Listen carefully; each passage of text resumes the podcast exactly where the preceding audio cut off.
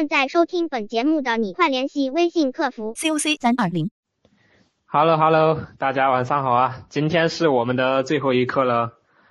啊、时间其实过得很快啊，就一个月好像一眨眼就过去了。然后我们今天的课程内容是费曼学习法啊，就是大家还记得我们在第一堂课讲的是什么东西吗？啊，我们第一堂课讲了二元学习法，然后在二元学习法里面呢，我们提到啊，学习在整个大方向上啊，它分为两个步骤。第一个步骤呢是静态学习啊，然后这部分知识因为它可以用语言传达，所以呢我们啊可以取个巧，就是我们可以站在巨人的肩膀上去前行。然后第二个步骤呢就是动态学习，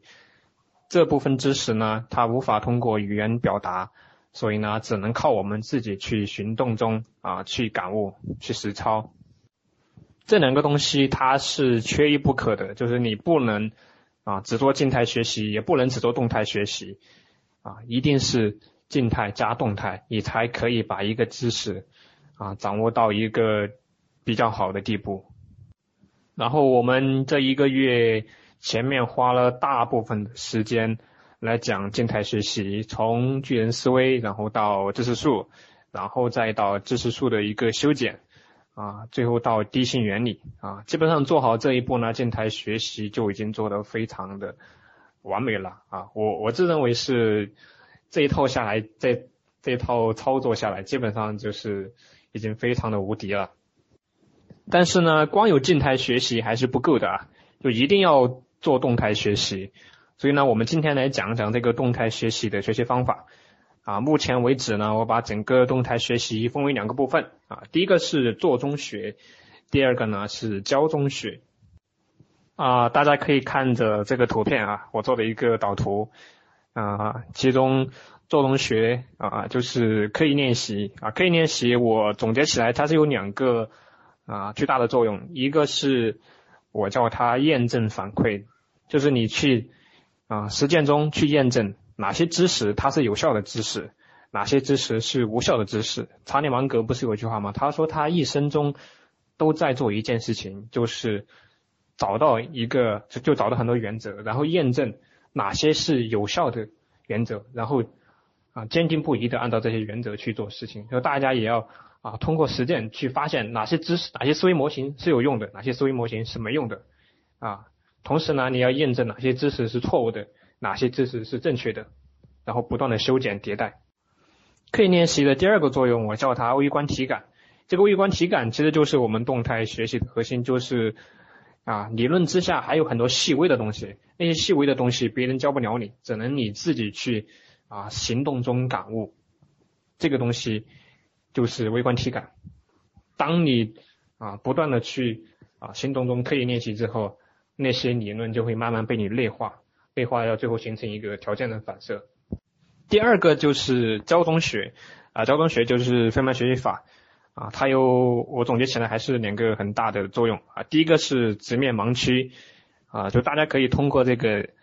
啊以教触学的方式，对过去所学的一个啊知识做一个测试啊，这个测试它会让你直面盲区，去发现那些你自以为知道，但是其实并不知道的知识。费曼学习法的第二个作用就是检索练习啊。当你给别人讲一个东西的时候，你需要调动你所有的已知知识来解释一个新的东西。这个时候呢，他会对你过去所有相关的旧知识做一个检索的练习。这个过程呢，会帮你加深理解和记忆。呃，然后呢，这个刻意练习它已经有呃一个非常大的巨人了，就是有本书，它的书名就叫刻意练习。啊，如果大家学完那个知识树之后，就自己可以用这个知识树这个学习方法啊，然后去看那一本书。所以呢，我们这里就不单独再拿一节课来讲。今天呢，我们主要讲费曼学习法。费曼学习法这个东西其实非常重要，但是我发现啊，真正懂它精髓的人其实非常非常的少。我知乎了一下，发现基本上所有讲费曼学习法的啊，都是在讲那个什么学习金字塔。还有那个什么四个步骤，但是都没有真正完全去懂那个费曼学习法背后它的原理是什么。所以呢，今天我们就来讲一讲这个什么是真正的费曼学习法，以及啊它的一些误区。我们曾经觉得那些费曼学习法其实是错误的。我第一次听说这个费曼学习法的时候，大概是在大二的时候啊，那个时候听了一场直播啊，是一个大 V 啊，当时觉得很牛啊，牛炸了。但我现在现在回过头来看，呃，那个时候真的感觉不是一般的菜。就其实现在来看，那只是一个非常非常普通的一个分享，但是我当时真的是觉得像打开了新世界的大门一样。所以呢，我现在觉得啊，这个认知真的很重要。就当你认知非常低的时候，你会被各种人以各种方式去割韭菜啊。那说回来，就是当时那场直播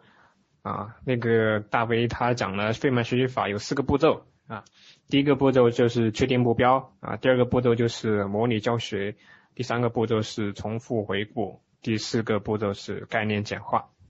后来就是啊，我自己呃某一天突然想写费曼学习法啊，然后我就去啊搜了一下，就发现那个百度上、知乎上、公众号上啊，基本上全都是这四个步骤，就完全一点思考呃自己的思考都没有。当然我不能说这四个步骤有什么错误啊。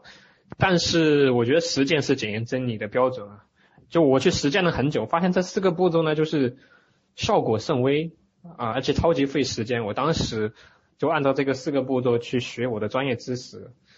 啊，什么在一个纸上，然后啊把那些什么概念重新呃复述一遍，这样这样，发现效果非常非常的低效。但是很奇怪啊，就是网上传的全部都是这个东西。啊，那些创作者，我不知道他们自己有没有去实践啊，还是说只是从别人那里看到，然后啊复制粘贴过来，然后啊写出来让大家看。这件事情，我现在啊做了这么久的自媒体，我自己做知乎啊，慢慢明白，知乎上它有很多大 V 啊，我就不点名，就是 挺心痛的一件事情，就是那些大 V 他自己其实都没有整明白，他们回答问题就是先选题，然后选题之后啊。到处去搜啊，搜索，然后复制粘贴过来。啊，他们也不管那个东西是不是正确的啊，是不是有用的，也没有去实操过，只是靠一些套路写出来啊，只要你们觉得牛逼啊，那就是牛逼。就其实好多东西都是错的。当然，这个知乎它还是有很多认真在写文章的啊，但是但是很多认真写文章的人呢，他又不懂套路。嗯，就是有一句话叫“自古深情留不住，唯有套路得人心”啊，所以呢，出现了很多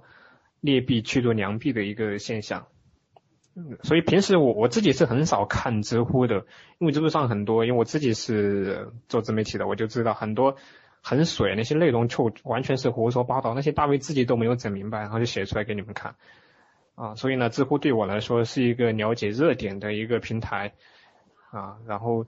是一个搜索的平台，就它不是就是每天用来学习的。我觉得学习的话就就有点太误导大家。我平时就用的最多的大概就是看书，然后加上一些知识付费，像混沌啊、得到、樊登等等。啊，当然这个有点有点扯远了，有点扯远了。呃，多多提了一嘴，因为我觉得这个东西大家可能呃不知道这个是怎么一个现象，肯定经常在看知乎那些文章啊，所以呢跟大家提醒一下啊。回到主题，其实前面说这么大一堆。啊，想表达的一个观点就是，网络上呢有很多关于费曼学习法，啊，它都是讲四个步骤，但其实这个实操起来是很大问题的。我自己有实操过一段时间，发现其实效果并不好，啊，有可能是我打开的方式有问题。另外呢，除了那四个步骤啊，还有一个东西啊，就是啊下面这一张学习金字塔。以前我对这个东西深信不疑啊，我觉得很牛逼啊，解释了很多东西，直到后来有一天。啊，有个读者他私信我说啊，他说这个学习金字塔其实根本不专业啊，有可能还是错的啊。于于是我当时啊，立马跑去百度去专门搜索了一下这个学习金字塔，把我吓一跳啊！就这个学习金字塔，它真的是没有经过核实的，而且很有可能是被那些自媒体啊一个一个误传的。我记得我之前在讲那个巨人思维的时候，我就讲到啊，当人们在一个一个传过来的时候。就很容易被误传，这个学习金字塔就是被误传的一个非常好的案例。后来我搜索出来的一个结果啊，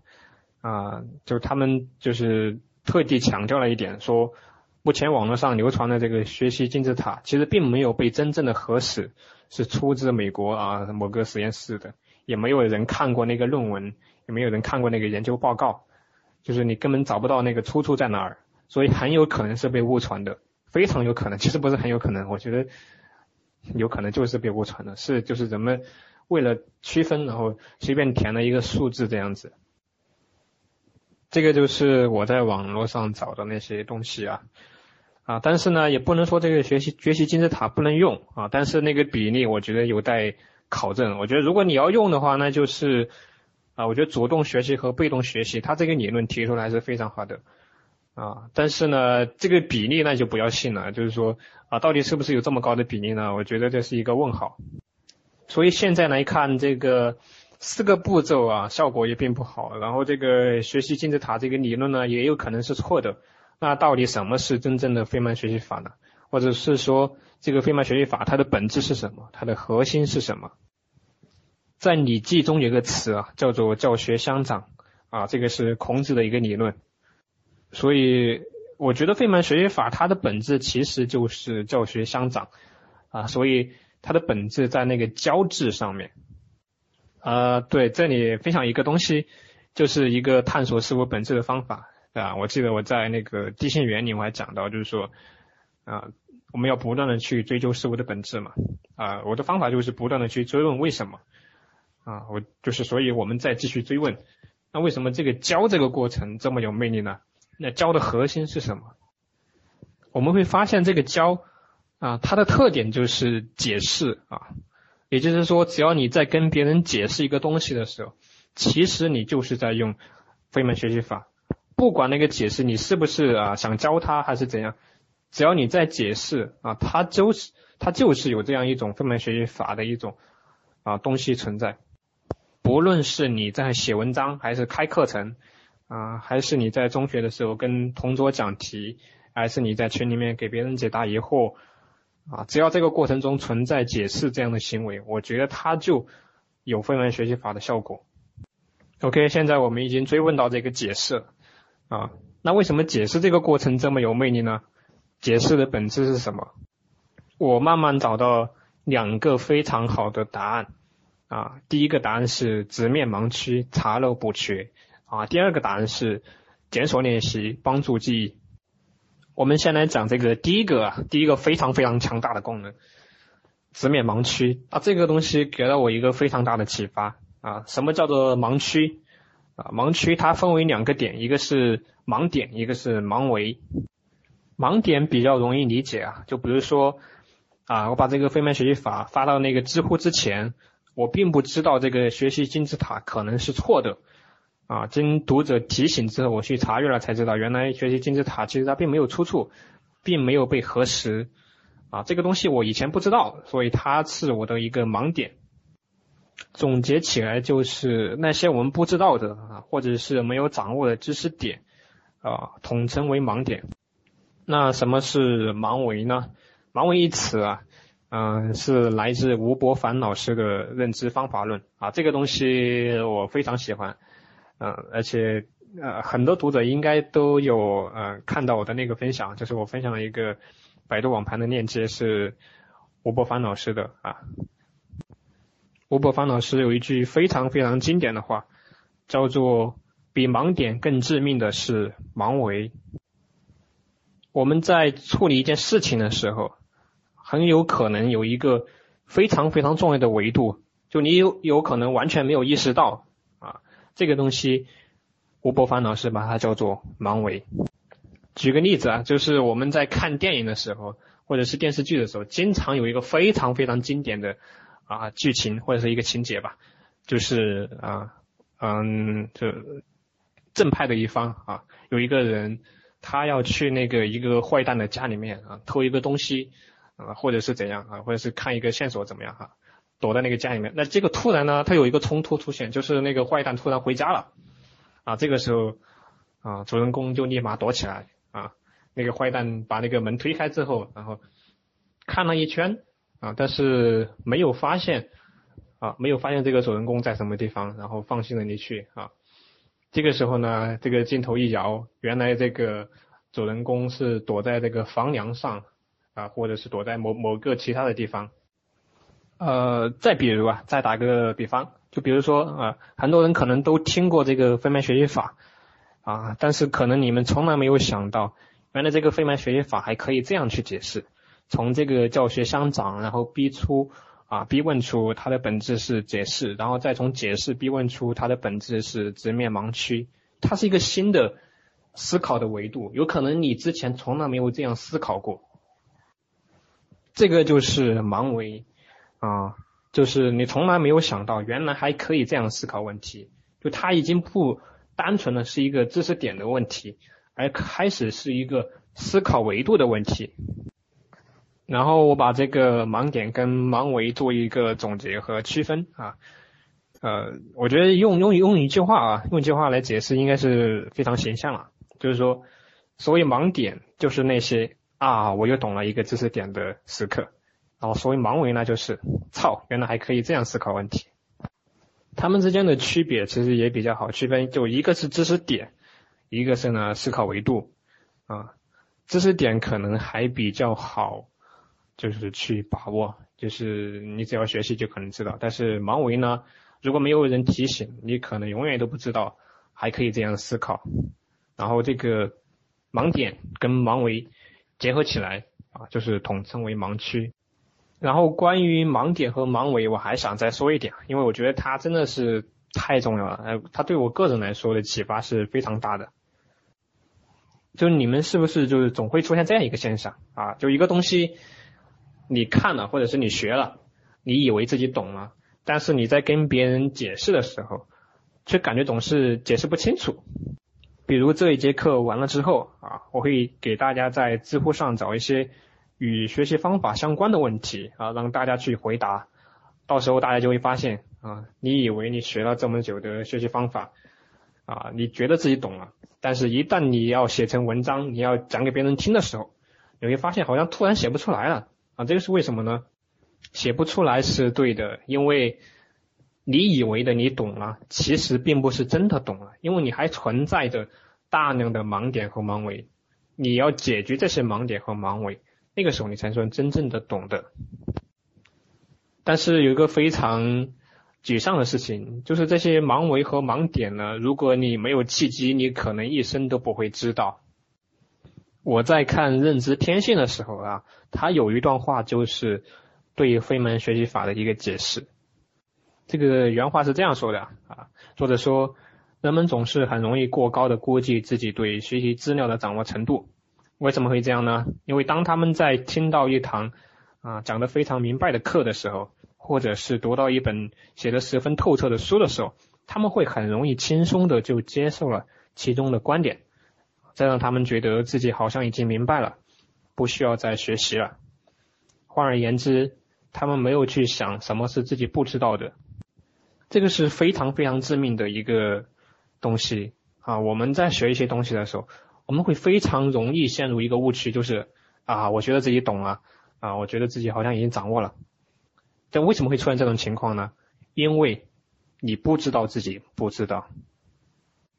这个过程只有当你在给别人解释的时候，你才会发现，哦，原来我并不知道啊。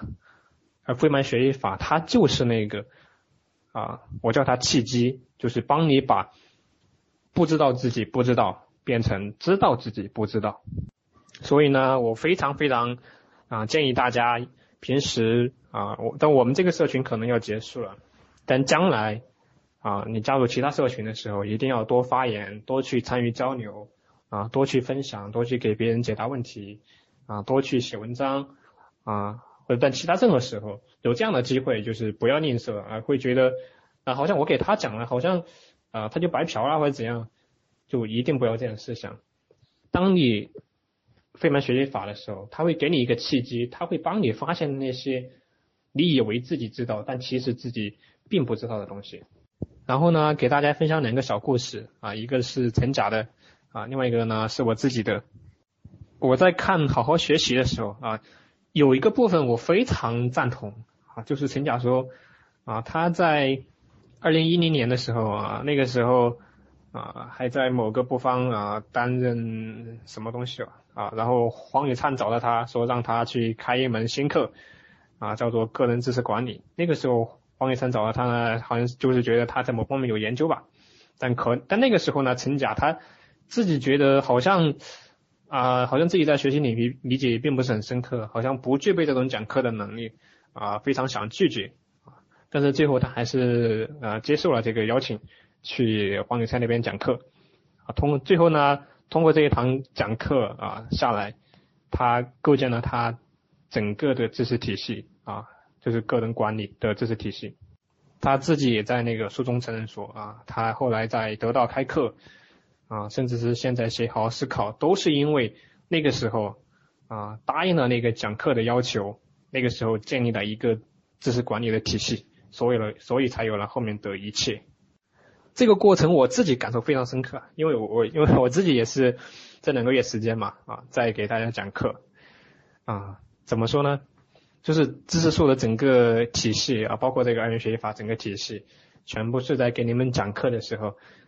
一步一步完善起来的。就每一次讲课都要迭代大量的东西，会发现自己大量的盲区。这个发哥是第一期的学员啊，所以应该能感受到。我在第二期啊，又在第一期的基础上迭代了大量的东西，啊，真的是迭代了很多东西。就这个过程非常的神奇。就如果你不讲课，就这些东西你你肯定是无法做出这么大的迭代的。有可能你会通过漫长的人生会做一点点的迭代，但是绝对很多东西你觉得真的无法像达到像像现在这样的一个效果，很神奇，完这非非常神奇。就是我我也不知道为什么，就是这么一个简单的。嗯，你教给别人的过程，它就能帮助你做那么大的一个提升。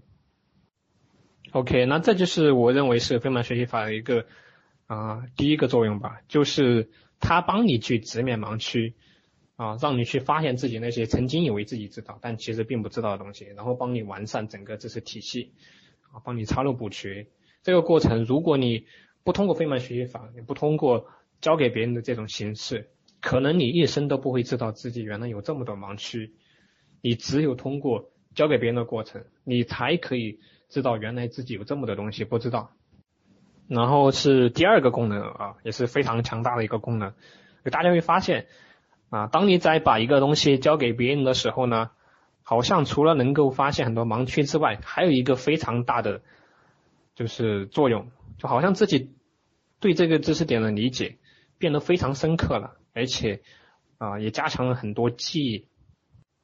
对，这个它就是费曼学习法的第二个强大的功能。我把它总结为八个字，就是检索练习，加强记忆。在记忆这个领域啊，有一个巨人，就是《认知天性》这本书，它揭示了一个记忆的规律，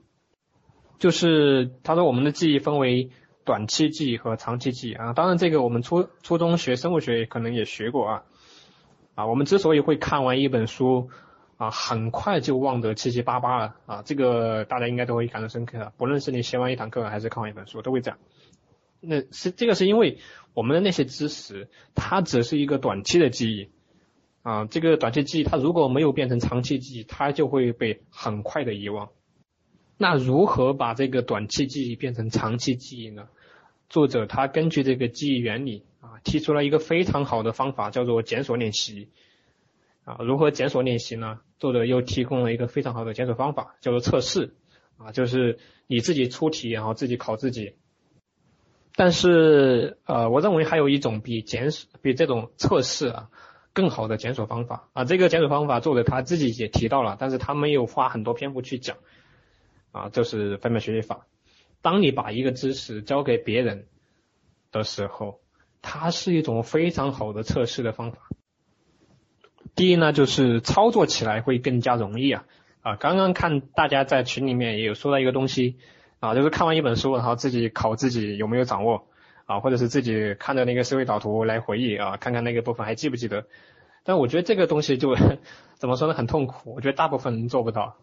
哎，这个过程我我我自己我会觉得很痛苦啊。知识树我倒还能接受，但是这个东西真的太痛苦，我觉得大部分人做不到。但是我认为，啊，你把这本书然后写成一篇文章，然后讲给别人听，我觉得这个这个是能做到的啊。我我个人就是这样做的哎，还蛮开心的这个过程，我觉得会比较容易很多啊，而且这个写作的过程也并没有那么痛苦，它有很多反馈，就当你把这个文章发出去之后，你会收到很多反馈，有反馈的东西，它就会更容易坚持。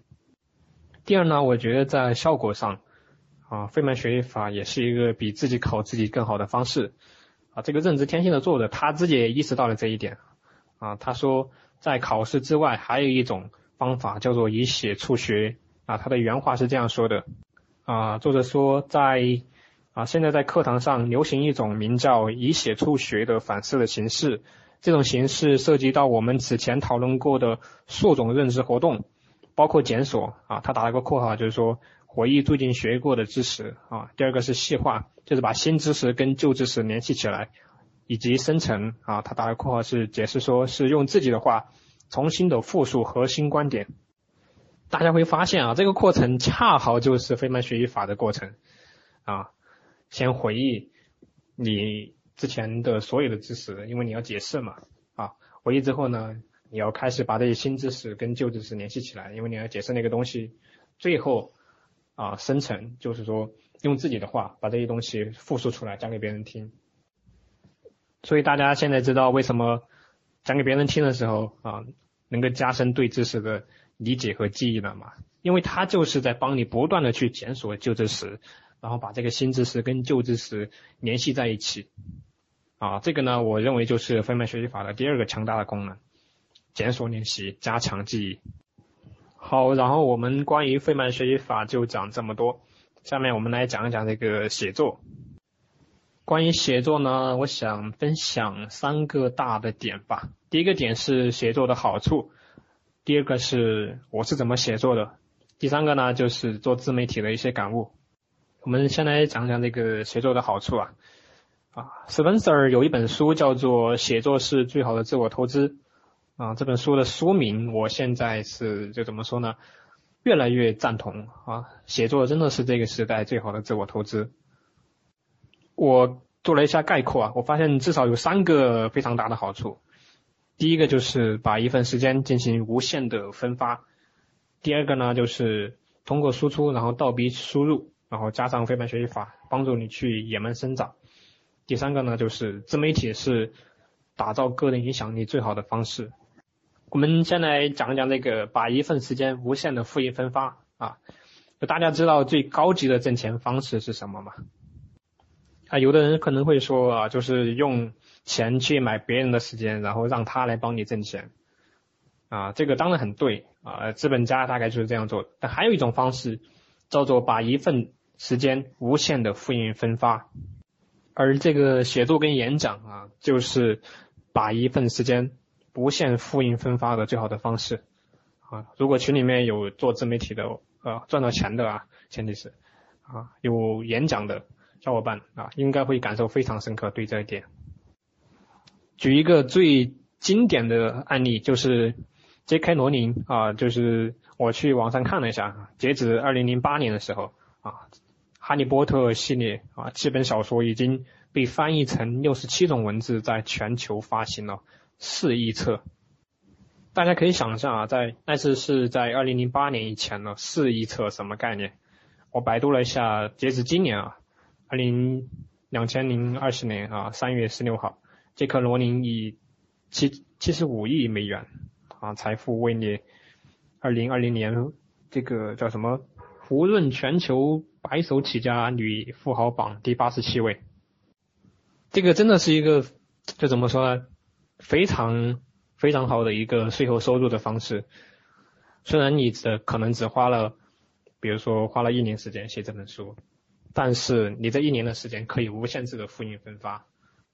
啊，我我个人现在也在享受这种红利。那虽然现在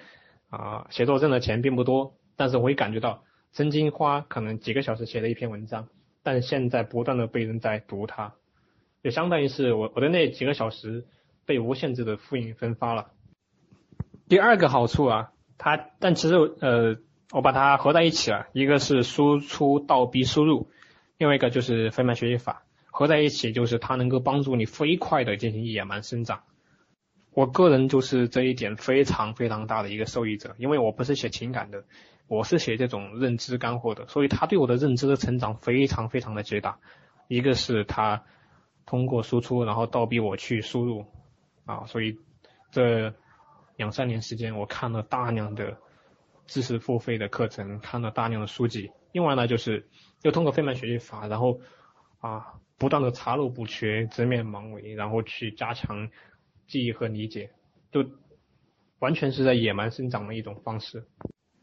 但我觉得前面两点还不具备太多诱惑力，尤其是第三点。第三点是我选择啊，就是可能在大学里面做自媒体的一个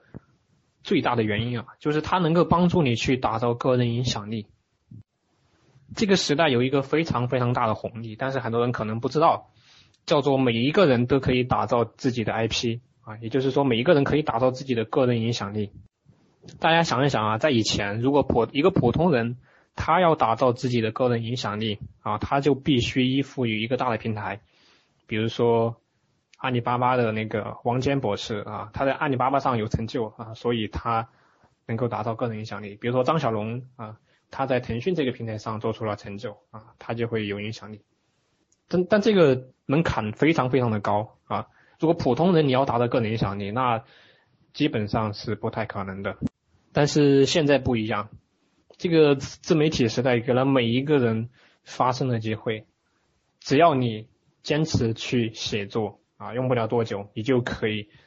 啊，慢慢的去打造自己的影响力出来。这个个人影响力意味着什么呢？我觉得它意味着一切。我觉得它就是未来最好的固定资产。我觉得未来最好的固定资产不是房地产。而是个人影响力，只要你有了个人影响力，你就有了财富、地位、名誉、人脉等等，这所有的东西都会向你汇聚而来。这个再说一点，就我觉得可能大家的没有接触过自媒体啊，所以感受不是很深刻。我个人的感受是非常非常深刻的，而且是越来越深刻。就我们假设两个人啊，他们可能的能力都相差不大，但只有一个区别，就是说。一个人他懂自媒体啊，懂写作；另外一个人呢，他不懂自媒体。最后这两个人的成就可能就是天差之别的。这个不懂自媒体的人可能就是靠死工资生活，但另外一个懂自媒体的，他可能就是他有无限的可能啊。我打个引号叫前途，就是那个有钱的钱，前途无量。举个非常简单的例子啊，我最近在知乎上学一些关于眼镜方面的知识啊，啊，想配一个。眼镜啊，然后我就发现，呃，知乎上有几个关于眼镜方面的大 V，他们写了一些关于眼镜配眼镜方面的一些知识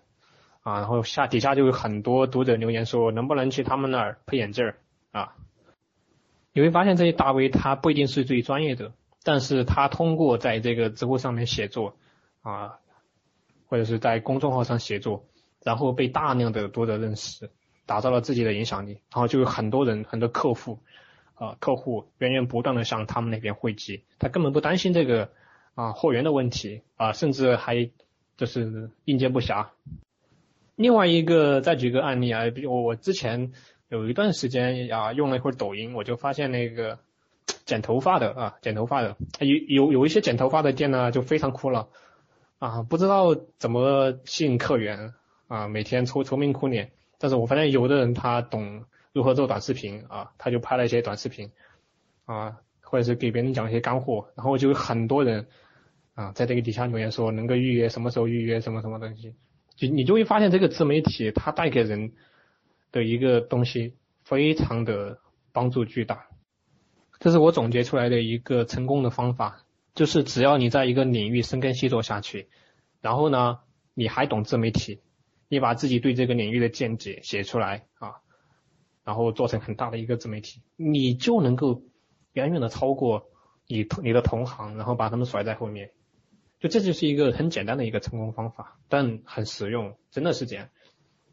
就是任何人你在任何领域，你都可以这样做啊，在那个领域深耕细作下去，然后做做做自媒体，然后把它打造出来，打造个人影响力。好，这个就是为什么要做自媒体啊，或者是为什么要写作。我给了你们一些啊新的东西，希望能给你们一点启发。然后下面我来讲一讲这个啊我自己是怎么写作的。之前有那个同学啊，问我说，哎，能不能分享一下我的写作的方法啊？我当时没有没有详细的说，我说到时候我们讲课的时候会讲。其实我的那个写作方法非常非常的简单，我说出来可能大家都可能觉得不信啊，怎么会这么简单？真的是这样吗？第一点就是素材来自知识树啊，就是我永远不缺写作素材，这个知识树就是我最好的写作素材啊。我经常收到就是很多人的咨询啊，就问我说，哎，你你的那个素材怎么来？你的选题，你你怎么选题？你是不是真的每次文章都都知道怎么写？你是不是就是啊不愁写什么东西？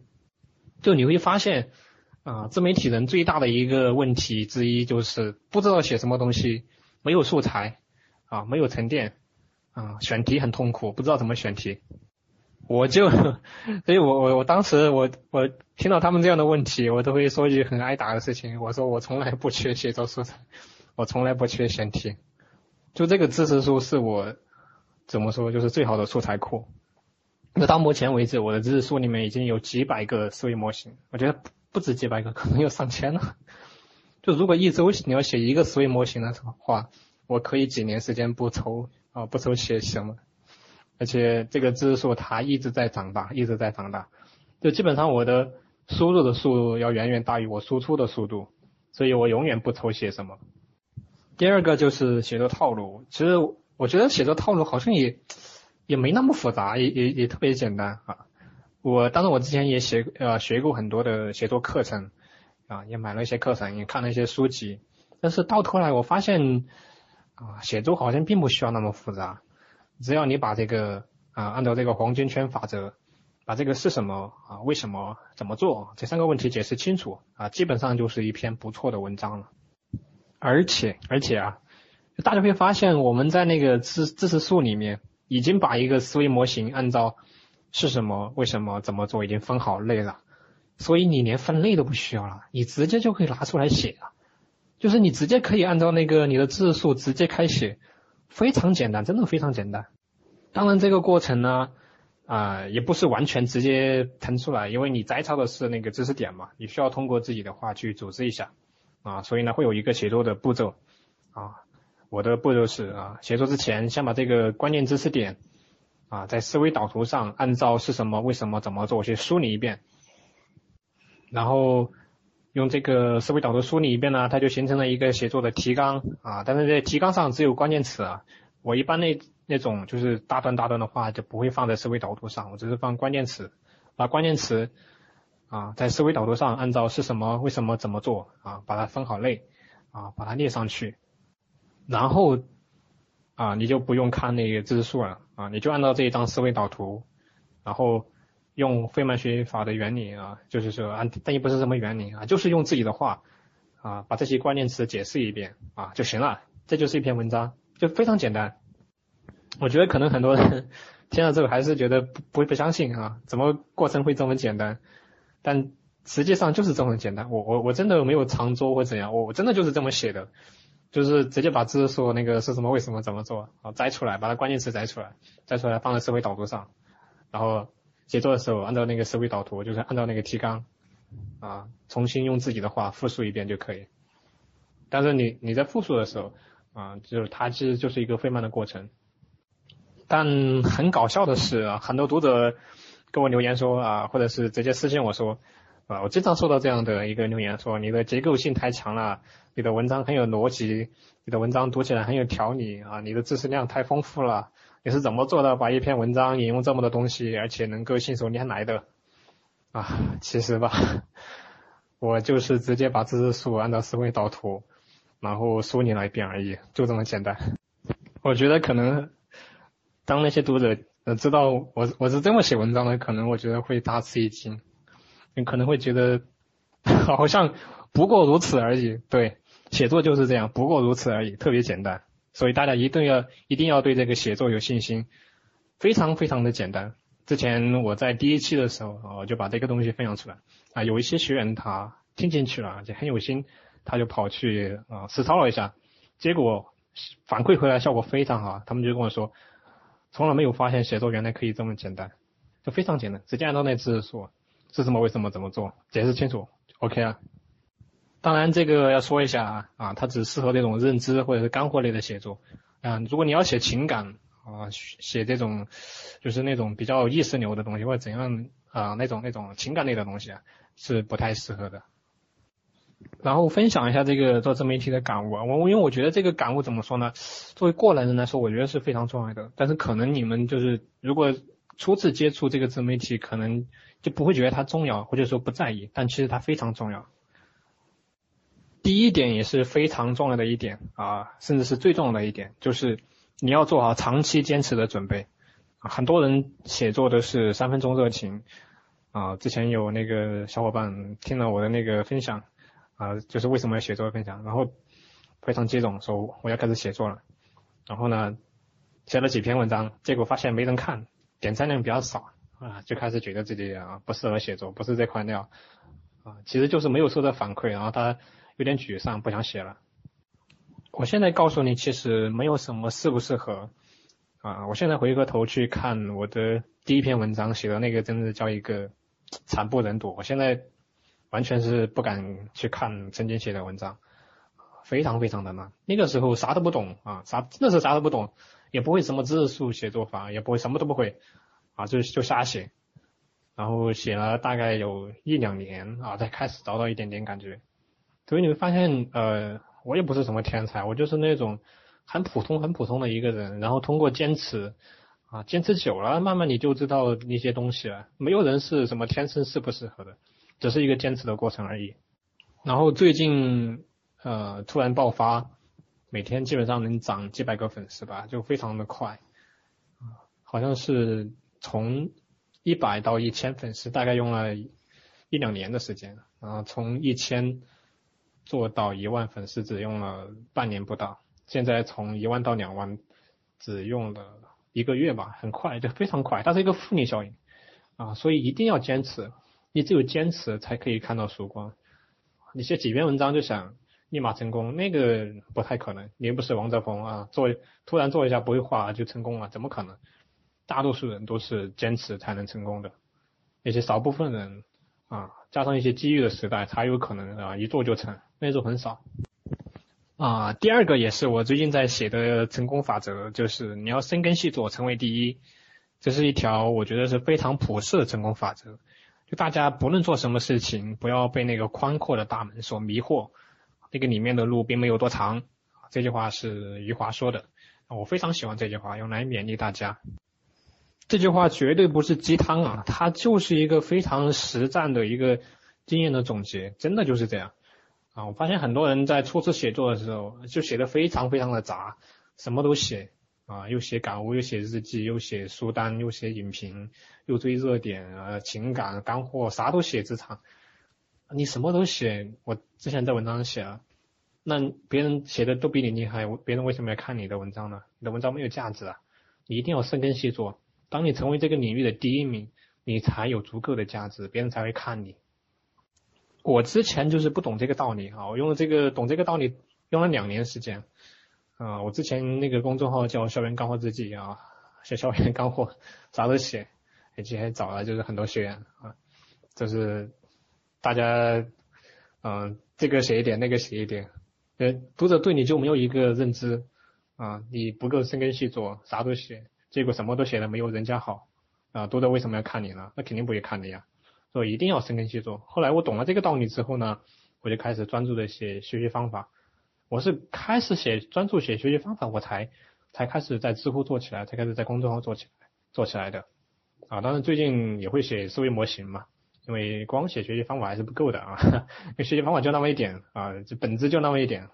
所以呢现在也会写思维模型，因为思维模型还没有多少人写，所以现在呢我写就可能我能够写到第一那就可以。然后大概就是这些内容啊，我分享了一个。呃，写作的那个资源到那个我们的百度网盘的群里面，大家可以去听一听啊。但是，我觉得这个写作技巧不是最重要的，最重要的是坚持啊，坚持，坚持去写。然后其实也写作也不难，如果你是写干货的话，就可以按照我的写作方法，就是知识树那个是什么，为什么，怎么做，解释清楚。OK，over，非常简单啊。祝大家将来能够在某个领域有所成就啊。